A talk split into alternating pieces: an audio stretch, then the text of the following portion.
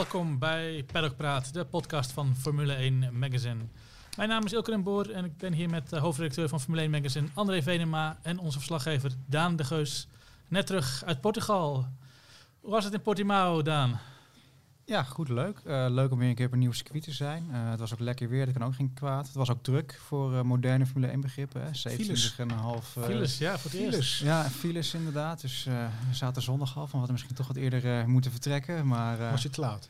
nee, we waren niet te laat uiteraard. We zijn professionals. Maar het was wel even wennen weer aan de files inderdaad. Ja, Ja. ja. en dat voor maar 27.500 man op de racedag. Ja, is maar goed dat er geen honderdduizend waren dan.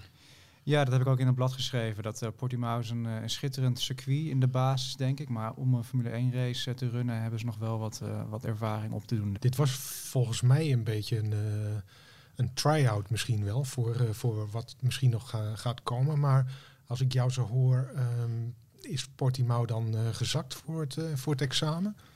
Nou, dat wil ik niet zeggen. En het zal denk ik heel erg afhankelijk zijn ook van volgend jaar wat, wat de opties zijn qua circuits en qua race in welke landen, hoe de corona-situatie daar is. Maar ik denk in een normaal kalenderjaar dat we Portimao niet terugzien. Nee. Ook organisatorisch waren er wel wat dingen aan te merken. Ik bedoel, de auto's wegslepen, eh, ja, de gootroosters, eh, zoals Olaf Mol het noemde, eh, vervangen. Dat Ja. duurde allemaal wel erg lang. Eh, Ja, is gek, want ze hebben toch wel vaker grote autosportevenementen. Maar ja, Formule 1 is misschien toch net een trapje hoger. En het was ook een beetje het gevoel alsof het een haasklus was allemaal. Ja. ja, toch allemaal nog ja, nieuw voor ze natuurlijk, nieuw op de kalender. Eh, ja, misschien met deze ervaring dat het een volgende keer wel soepeler zou verlopen, ook qua verkeer. We hebben het in Paudicar ook gezien dat het tweede jaar een stukje soepeler ging dan het eerste. Maar het circuit zag er op zich eh, heel, eh, Ja, heel indrukwekkend uit. Ik vond het, Ja. eh, de beelden waren prachtig in ieder geval. ja, en de coureurs waren ook allemaal lovend. Eh, hoe, hoe- hoe was het daar, Daan? Hoe, met de achtergrond eh, geeft het echt extra eh, charme aan zo'n circuit? Ja. ja, ja nee. Wat je zegt, voor, voor de tv-beelden is het heel mooi. Ehm, voor je werk maakt het weinig uit natuurlijk. Ik denk ook voor de coureurs, ja... Het is leuk dat ze, dat ze wat bergjes hebben om naar te kijken in plaats van eh, hekwerk zoals in Sochi. Maar het gaat uiteindelijk toch om die baan. En dat, ze vonden het inderdaad een mooi circuit. Ik moet zeggen, ik vond het geen... eh, ondanks dat geen circuit wat een geweldige race oplevert, denk ik, in, eh, in, eh, in normale droge omstandigheden. Nee, het werd vergeleken met een achtbaan van tevoren, maar het was toch een beetje ja, een, een, een Ja. scherpe afdaling naar beneden aan het begin, maar daarna een beetje eh, ja, kabbelend terug naar het, Ja. Het Ja, station. en dat, zeg maar. tik, tik, tik, tik, tik, tik, tik. Ja, de achtbaan zit je ook achter elkaar. Hè? De eerste drop was wel heel, heel, heel spectaculair, Ja. maar ja, Ja. daarna ontbraken de, de loopings eigenlijk. Ja, ja het, was een beetje met de, met de, race, eh, met de race ook het geval. En ik vond toch, het ging een beetje uit als een, eh, ja, als een nachtkaars. Je ziet toch ook dat een goed circuit niet altijd een goede race oplevert. Hè? Nee. Coureurs zijn ook vaak dol op Monaco, op Hongarije. Ik denk dat Zandvoort ook in die categorie valt. Hè? Dat je denkt van ja, de kwalificatie is het super, maar Ja. Voor race is het vaak een ander verhaal. Maar de start was wel heel spectaculair. Eh, André, wat vond je ervan? Eh, Ja, fantastisch. En dat, eh, een, een, een- beetje regen, het was niet heel veel, eh, begreep ik. En de, de verschillende bandensoorten eh, die, die toch het verschil maakten in het begin van de race. Carlos Sainz die voorop reed, Kimi Räikkönen die... eh, de rallyrijders van de Formule 1 eigenlijk. Ja. ja, inderdaad wel. En ik toevallig, ik, eh, ik, eh, ik was een beetje eh Finse kranten aan, het, aan het scannen. En Kimi Räikkönen die had, een, die had een hele droge opmerking, want eh, iedereen zei van, goh, wat een fantastische start eh, had je, dit en dat. En hij zei van, ja, ik, eh, fantastische start. Hij zei, ik vroeg me af wat die anderen eigenlijk allemaal aan het doen waren. Ja. Typische Kimi Räikkönen opmerking, maar van 16 naar 6 eh, ging die geloof ik. Het zag, er, het zag er prachtig uit. Ja, en typisch Kimi. Ook hij geen simulatorwerk, geen, volgens mij niet eens een trackwalk. Nee. Op de persdag zei hij nog dat hij dit overwoog te doen, maar Ja. volgens mij heeft hij het uiteindelijk niet gedaan. En geen Nee. YouTube-beelden bestudeerd of wat dan ook, gewoon rijden. En je ziet wel, hij is de beste bij de start. En, en ja, zijn beelden zullen nog lang bestudeerd worden door de, door de concurrenten, denk ik. Ja, ja, nou ja, goed, het is gewoon dat, dat, Instinct. Ja, instinct, ja, dat is het, ja. ja, ja, je zei het, een McLaren op kop. eh, maar ja, we hadden niet echt de hoop dat dat heel lang zou duren, toch? Niet, Nee, ja, of er had ineens een enorme plans bij moeten vallen misschien. Maar eh, ja, het was even, even mooi voor Carlos. Zijn, eh, zijn moment of glory. En, Ja. hij heeft volgens mij nog een aardig resultaat eruit gehaald. Dus. ja. En toen de bandjes warm waren, eh, bleef alles bij het oude eigenlijk. Ja, toen werd ook Bottas weer voorbijgestoken door Hamilton. Ja. Ja. op weg naar zijn, zijn echte recordzege. Hij staat nu alleen bovenaan, niet meer gedeeld met Schumacher. Eh, Toch wel opvallend, hè, dat eh, Bottas tot en met de kwalificatie altijd het snelst is. Het zijn trainingen, het zegt natuurlijk niet zo heel veel, maar en dan in de kwalificatie en in de race is daar ineens weer Lewis Hamilton. Het moet toch ook geweldig frustrerend zijn voor hem. Ja, ik denk ook dat Bottas meer tijd zeg maar, in de voorbereiding heeft gestoken. Daardoor ook sneller uh, het circuit onder de knie had. Hamilton er toch wat onbevangener instapte. Maar dat inderdaad op die, ja, die belangrijke momenten, de kwalificatie en, en vooral de race, dat hij ja, echt het verschil maakt. Uh. Ja, laten we, uh, laten we niet vergeten dat Lewis Hamilton is in ieder geval statistisch gezien, wat mij betreft, nu al, nu al de grootste ooit. En uh, het ligt echt niet alleen uh, aan de auto. Het is echt een kunst om ook in een goede auto zo constant en zo snel te zijn. Zelfs met een uh, toch niet langzame teamgenoot. Echt ja. petje af hoor, wat dat betreft. In de persconferentie na afloop ging het daar ook over, met Bottas en ook met Verstappen, over ja, hoe ja, frustrerend het is, hoe goed Hamilton is en hoe hij eigenlijk de records nu aan één rijgt. maar beide zeggen, het motiveert ze alleen maar. heb jij dat gevoel ook, Daan? Ja, dat is denk ik ook de enige juiste instelling.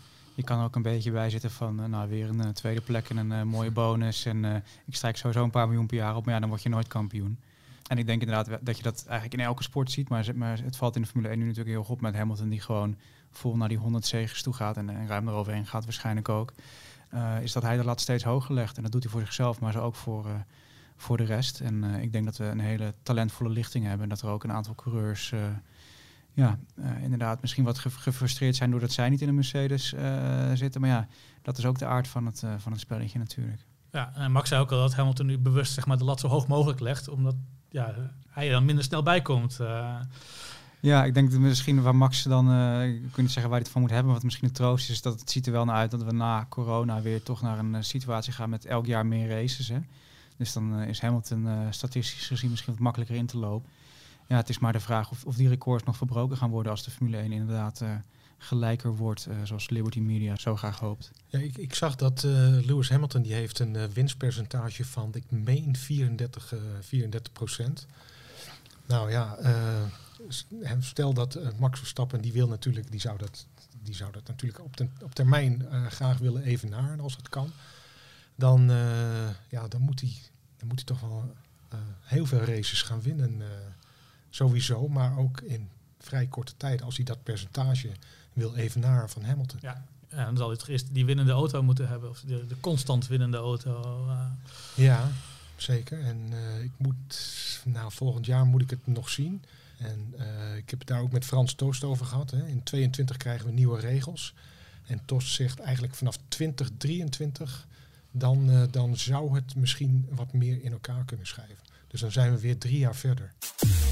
Perlpraat. Ja, meer te doen is om het stoeltje eigenlijk naast Max nu voor volgend jaar. Uh, ja, Albon, het was weer niet heel uh, denderend. Uh, zijn laatste kans, zeg maar. Ik denk dat, dat, Albon, dat Albon zijn kans heeft verspeeld. Horner heeft en Marco die hebben aan de vooravond van de Grand Prix gezegd van ja, min of meer een ik kan zeggen, een soort van ultimatum gesteld. Van hij moet binnen drie tienden van uh, Max Verstappen uh, rijden. Hij moet zich verbeteren. Nou, dat was in, uh, in Portugal niet het geval. Hè. Op een rondje gezet, notabene, door zijn, door zijn teamgenoot. In de Formule 1 zegt niemand iets zonder reden. Um, die uitspraak van Horner en Marco, die deed mij een beetje denken aan een uitspraak van Zack Brown, twee jaar geleden. Toen uh, was ik in Hongarije. Toen zat ik met uh, mijn Belgische collega uh, Jo Bosuit. En toen zei Zack Brown, Stoffel van Doornen moet gaan presteren. Hij moet, hij moet het beter gaan doen en dit en dat. En als, als een team zoiets gaat zeggen, dan wordt eigenlijk het vertrek min of meer, heb ik de indruk, al in, al in de week gelegd. Ja. En dat heb ik, dat ik, heb ik hier, dat, heb, dat gevoel heb ik nu ook met Albon. Ik denk dat het echt klaar is. En het feit dat uh, Max Verstappen openlijk heeft gezegd dat Hulkenberg hem uh, wel een, uh, een leuke teamgenoot lijkt.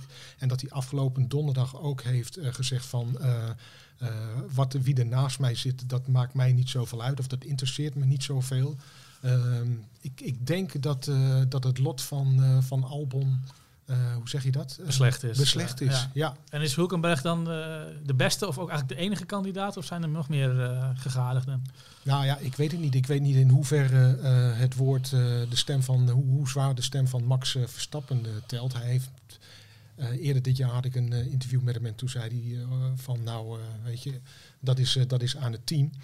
Maar ik denk wel dat, dat als hij iets zegt dat er wel naar geluisterd wordt of dat het in ieder geval wordt meegenomen. Dat lijkt me ook heel logisch. En dat was ook zo toen Gasly daar kwam natuurlijk. hè. Ja. Toen hebben ze dat ook gezegd van, hebben ze hem ook ingelicht van nou hoe zie je dat en Ja. wat is jouw visie? eh? Ja, goed, Hulkenberg is dus, die wordt dus heel veel genoemd. Trouwens, Hulkenberg zelf, die, die, die zegt steeds van dat de kans dat hij naar Red Bull gaat niet zo groot is. Er zijn, eh, er zijn, meerdere, er zijn meerdere opties. En Zoals Perez bijvoorbeeld. Ik bedoel, laten we ze ook gelijk noemen dan, Perez. ja, Perez, eh, die, die, zei- die is zeker niet minder dan eh, Hulkenberg. eh, Nou, dat heeft hij wel laten zien bij, bij Force India natuurlijk. eh. Ja, ja. Zou Perez dat willen? Of zou hij toch liever de eerste man bij Williams zijn dan de tweede man bij Red Bull? Ik denk dat hij absoluut bij, bij Red Bull in wil stappen dan. Ja, als het inderdaad een mogelijkheid is. Eh Perez heeft natuurlijk zijn kans gehad bij McLaren in 2013. Dat was toen eigenlijk net topteam af. Dus dit zou in die zin zijn eerste echte kans bij een topteam zijn. En Je hebt altijd de kans om te winnen hè, in, zo'n, in een auto bij Red Bull. ja, kijk wat hij gisteren, eh, wat hij zondag deed in, eh, in die Racing Point. Hij lag geloof ik eh, 20 seconden achter het veld na de eerste ronde. En hij komt gewoon heel goed terug. Het is wel een jongen die, als hij zijn dag heeft, hè, dan kan hij echt zomaar een podium pakken in dat soort auto's. Dus ja, dan weet je, als je die in een Red Bull zit, dan kan hij zomaar races winnen. Ja, En ik Ja. denk ook dat, dat wat voor Perez ook spreekt. eh, we weten, hij brengt sponsorgeld mee. Dat zal voor Red Bull dan niet de meest doorslaggevende factor zijn. Maar ja, geld is geld. En, eh, En zeker, zeker als ze een motor moeten gaan inkopen. Ja, eh, precies. En ik denk ook dat hij heel, heel interessant kan zijn voor de Latijns-Amerikaanse markt, de Noord-Amerikaanse markt, eh, Spaans eh, sprekende markt natuurlijk. ja. Eh, misschien meer dan Hulkenberg. Al heb ik een beetje de indruk dat, dat van die twee, in ieder geval Verstappen en Marco, toch misschien meer naar Hulkenberg neigen. Ja, dat, eh, dat, dat denk ik ook. Maar goed, aan de andere. Hulkenberg is natuurlijk een, dat is een prima coureur. Hè. Dat eh, zou een hele goede tweede coureur zijn. Maar nogmaals, weet je, eh, hij heeft ook zijn kansen gehad. En ik vind nog steeds dat hij kansen heeft laten liggen. Het is voor mij geen uitgemaakte zaak dat hij zo goed is als iedereen, eh, als iedereen nu beweert. nou, hij Ik was denk- gewaagd naar Perez, maar hij heeft er toch minder uitgehaald. eh, Ik- zeker als je kijkt naar podiumplaatsen. Ja, ik denk eh, dat, dat Perez zeker niet onderdoet voor, voor Hulkenberg. Ja, en ik denk wat ook fijn is, het zijn allebei jongens die wat verder zijn in hun carrière dan een Albon of een Gasly. Dus mentaal zou je zeggen dat die beter moeten kunnen omgaan met, met die druk die erbij komt eh, Ja. bij Red Bull, bij het naast Max Verstappen zitten. Ja, want het, er is natuurlijk eh, goed voor, voor Hulkenberg en Perez zal het misschien wat minder gelden. Maar als je naast eh, Max Verstappen zit, dan is er altijd een afbreukrisico. Ja, je moet sterk in je schoenen staan. Dat, Ja. eh, dat, dat heb je Ja. gezien aan Gasly, dat zien Ja. we nu aan, aan Ja, Albon. want de kans dat je Max Verstappen verslaat is, eh, is niet zo heel groot. Denk, denken we nog dat George Russell een optie is? Mocht hij bij Williams gewipt worden? Ja, de, Perez is eigenlijk de sleutel. Hè. Waar, gaat, waar gaat die heen? Als die inderdaad naar, Williams gaat, dan komt Russell beschikbaar, gek genoeg. Dat, dan, niet Latifi. Eh, wat geen optie is voor, eh, voor Red Bull, laat dat duidelijk zijn. Ongelooflijk, hè? Latifi bij Williams en, eh, en Stroll bij, bij Racing Point. Hè? Het, geld, het, geld, het geld dicteert. Terwijl Perez en Russell, weet je, als je gewoon puur naar talent kijkt, dan zou er natuurlijk geen enkele discussie over moeten zijn wie daar wel of niet blijft. Ja, zelfs Magnussen en Grosjean, die dan nu bij Haas op straat komen te staan, zijn dan Ja. eh, betere opties, zou je denken. Maar ja, zou Russell een optie zijn voor Red Bull? Ik weet het niet. Het is toch, ja... Het is eh, een Mercedes, jongen. Een Mercedes-jongen. eh, aan de ene kant kan het misschien een middel zijn om Mercedes-motoren naar Red Bull te, te halen. gebeuren. dat hè? zie ik toch niet gebeuren. En ja, wil Mercedes dan hun toptalent ook laten gaan? Dat geven ze ook de concurrentie eigenlijk weer een voordeel. Nou, Eh, wat, wat, wat, wat, wat, mij, wat mij opviel, ehm, dat Toto Wolff eigenlijk zijn handen van, eh, van George Russell, eh, zijn toekomst bij Williams in ieder geval, heeft afgetrokken. ja, hij zei, door ik ga niet over de toekomst Nee. bij Williams, maar hij gaat wel over de toekomst bij Mercedes van Russell. Ja, als we dan Bottas zo slap zien rijden, denk ik van... ik, ik, vond het, ik vond het wel een beetje, een beetje raar. En ik dacht van, hè, weet je, dat is... George Russell is een, eh, is een fantastische coureur. Hij heeft denk ik ook wel de potentie om eh, eh, in de buitencategorie terecht te komen. En als er dan zo makkelijk afstand van wordt gedaan, dan denk ik van, hé, hey, is, Ja. hier iets, eh, is hier iets mis? Dat is niet nieuw natuurlijk. Hè? Bij Ocon, bij Pascal Weerlijn gebeurde hetzelfde. Ja, Dat, ja, dat is het nadeel als je zeg maar in, eh, in, in, in het talentenprogramma zit. Er wordt voor jou beslist. En ik denk dat bij Russell, kijk, we we kunnen wel zeggen van uh, moet, moet Mercedes dan Bottas voor hem inruilen.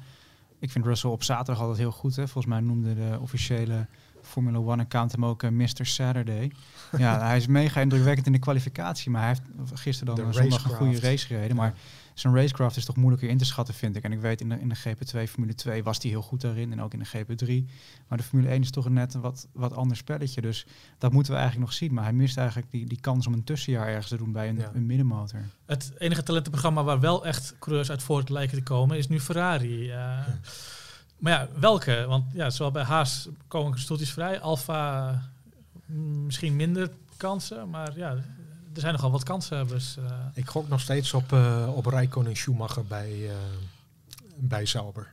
Of sorry, bij Alfa. Alfa, Alfa Romeo. Ja. Ja, ja, ja, ik moet zeggen, dat de, de geruchten die dan in de paddock gingen, voor zover de paddock nu bestaat eh, met de coronaregels, waren toch dat het waarschijnlijk Raikkonen en Giovinazzi blijft. Of in ieder geval dat Ferrari nog wel met Giovinazzi in een soort traject zit van, nou, we zien daar toch nog wel genoeg rek in mogelijk om, om die jongen een extra jaar te geven. En in dat geval zou eh Mick Schumacher dan bij Haas terechtkomen. Ehm, wat ik moet zeggen, ik, ik ook een vrij vreemde beslissing vind in die zin dat natuurlijk we weten dat Haas die relatie met Ferrari heeft. Hè. Ze zijn een soort eh, technische partners, bij klantenteam eigenlijk. Bijna een soort satellietteam. Maar als je, als je ziet wat voor omgeving die twee renstallen kunnen bieden, weet je wel, dan Alfa Romeo, Sauber, dat is toch echt een gevestigde formatie. Zwitsers team, hè? eh, Mick Schumacher Ja. woont in Zwitserland. En Alfa Romeo, dat is natuurlijk ook, hè, daar straalt allure vanaf.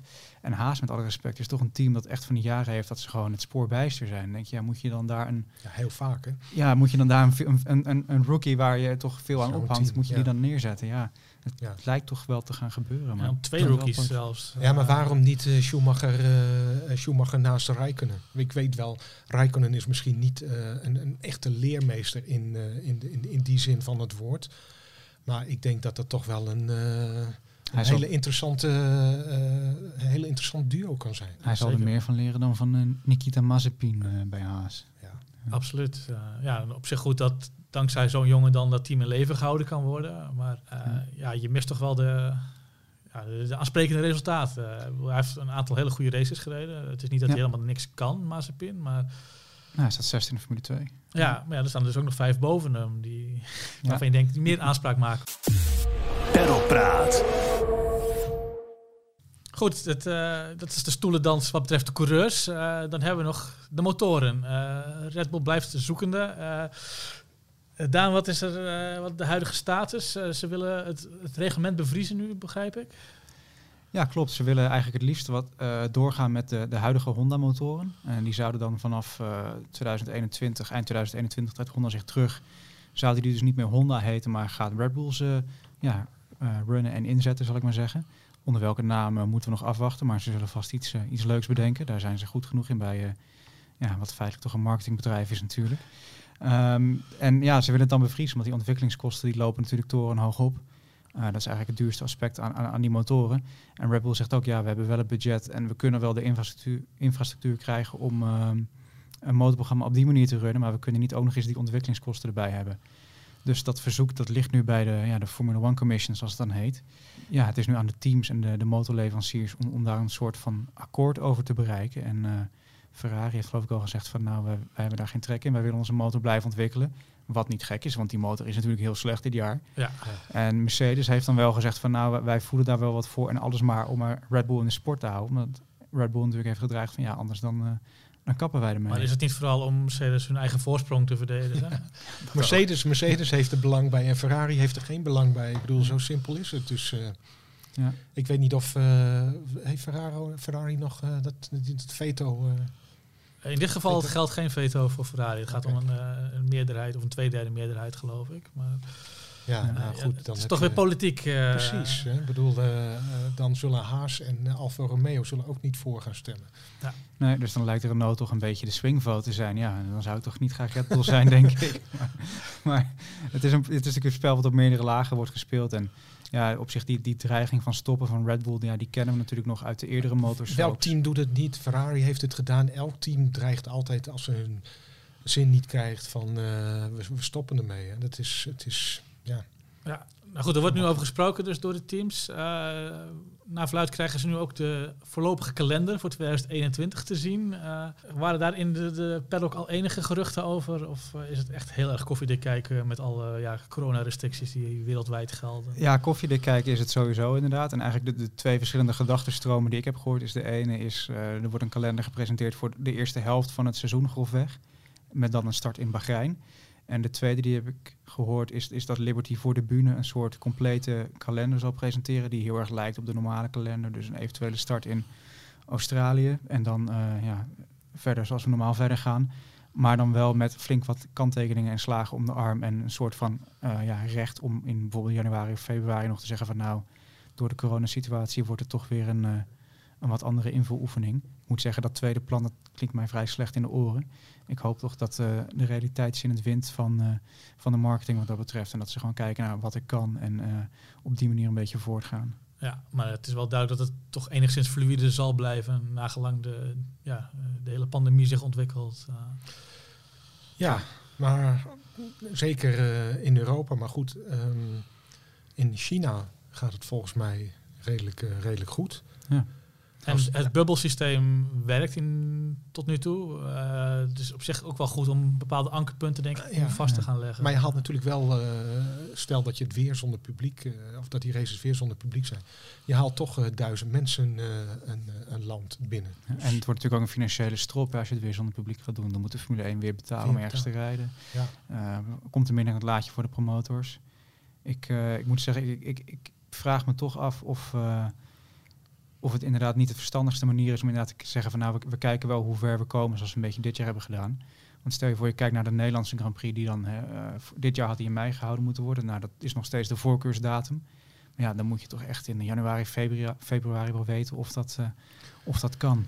Ja, het is, Daar heb ik nu een hard hoofd in. Uh. Ja, het is niet zo dat ze een, twee maanden van tevoren kunnen zeggen van... toch nee. jongens, we gaan... Er komt al wat, wat logistiek bij kijken. Ja. En, ja. Uh, ja, we gaan de ontwikkeling in de gaten houden. In, uh, ja, we houden je natuurlijk op de hoogte van via onze kanalen en natuurlijk ook het, uh, het magazine. dat verschijnt na de volgende race in Imola komend weekend alweer. Een, een tweedaags weekend dit keer. En nu gepland, in tegenstelling tot in de Eifel. wat zijn jullie verwachtingen? gaat dat meer ja, onvoorspelbaarheid opleveren? Of, ik hoop het.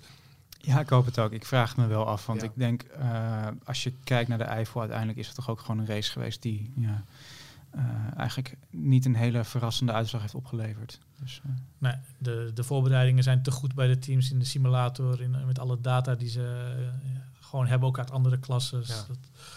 Eigenlijk was Mugello wat dat betreft nog wel een, een leuke uitzondering. Vanwege de grindbak. Ja. En we zagen in Portugal natuurlijk wel andere strategieën, ook omdat het wat onbekender was. Uh, en ook ja, dat, het buitje aan het begin ja, droeg eraan bij. Uh. Ja, dat zou je op Imola denk ik wel weer hebben in de zin dat uh, hoe de banden op de asfaltlaag reageren, dat is toch moeilijk te simuleren. Um, dus of je het nou positief of negatief vindt, het is toch weer een race die waarschijnlijk door de banden gedicteerd zal worden. En het is inderdaad wat André zegt, net als Mugello, wel een oldschool circuit. Dus het zou me niks verbazen als we in de weinig trainingstijd die we hebben toch wat, uh, wat mensen een muurtje of een vangrailtje zien, uh, zien raken. En het is een leuke, het is een leuke testcase voor, hoe zeg je dat? Nieuw format. Nieuw format voor, voor de toekomst. Ja. ja, zeker iets om, om naar te kijken komend weekend. Dus let op, vrijdag geen trainingen. zaterdag begint het allemaal en dan... Zaterdag uh, training, kwalificatie. Ja, en zondag de race zoals altijd. Uh, ja, hou alles op in de gaten via onze kanalen. Uh, hou je briefbus in de gaten voor het magazine volgende week. En dan sluiten we nu af met de column van Koen zoals gebruikelijk. De uitloopstrook van Koen. Herr Dr. Marco, hol doch den Hülkenberg. Na also, Herr Dr. Marco. Ik zal het nog één keer uitleggen. Want vorig jaar riep ik al dat Red Bull als de bliksem Nico Hulkenberg moest vastleggen als tweede coureur naast Max. Maar ja, niet luisteren. In Portugal heeft Max nu zelf gezegd dat hij het met Nico wel ziet zitten, dus waar wacht u nog op, herr dokter? Nee, ik doe niet mee aan Alex Albon bashen. Dat doen de oranje brillen al genoeg. Dat jochie, dat weet ik, dat doet zijn uiterste best. Af en toe zorgt hij zelfs voor spektakel.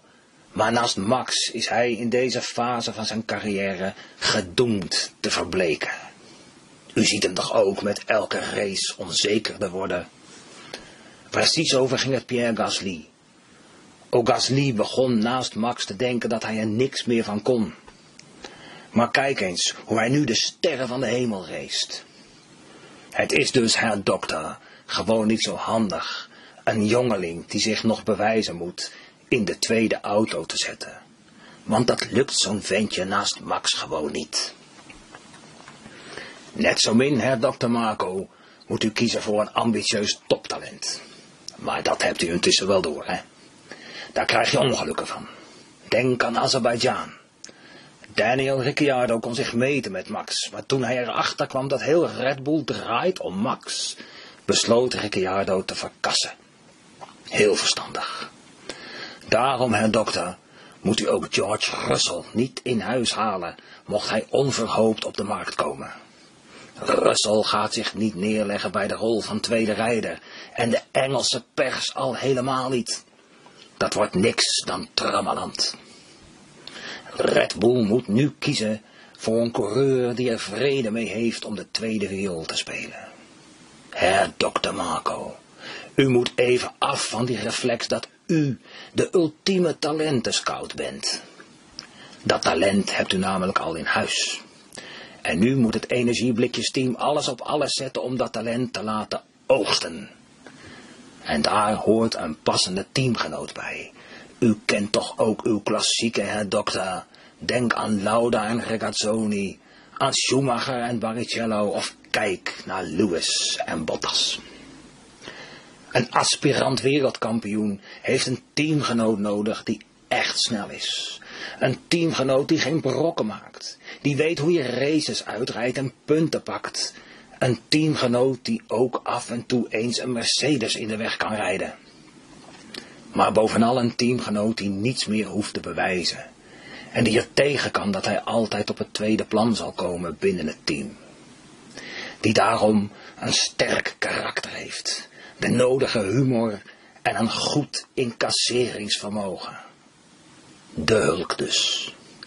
Want Nico zit precies op zo'n punt in zijn carrière dat hij dit kan. Hij is volwassen. Hij weet wat hij kan, maar ook wat hij niet kan. Hij zal uitermate verguld zijn wanneer hij alsnog voor een topteam in de Formule 1 kan rijden, om zo alsnog een keer een podium te pakken of zelfs een race te winnen.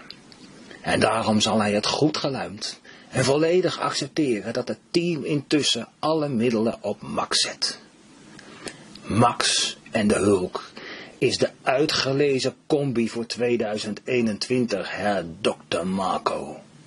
En niet alleen omdat ze samen zoveel vieze woorden kunnen zeggen.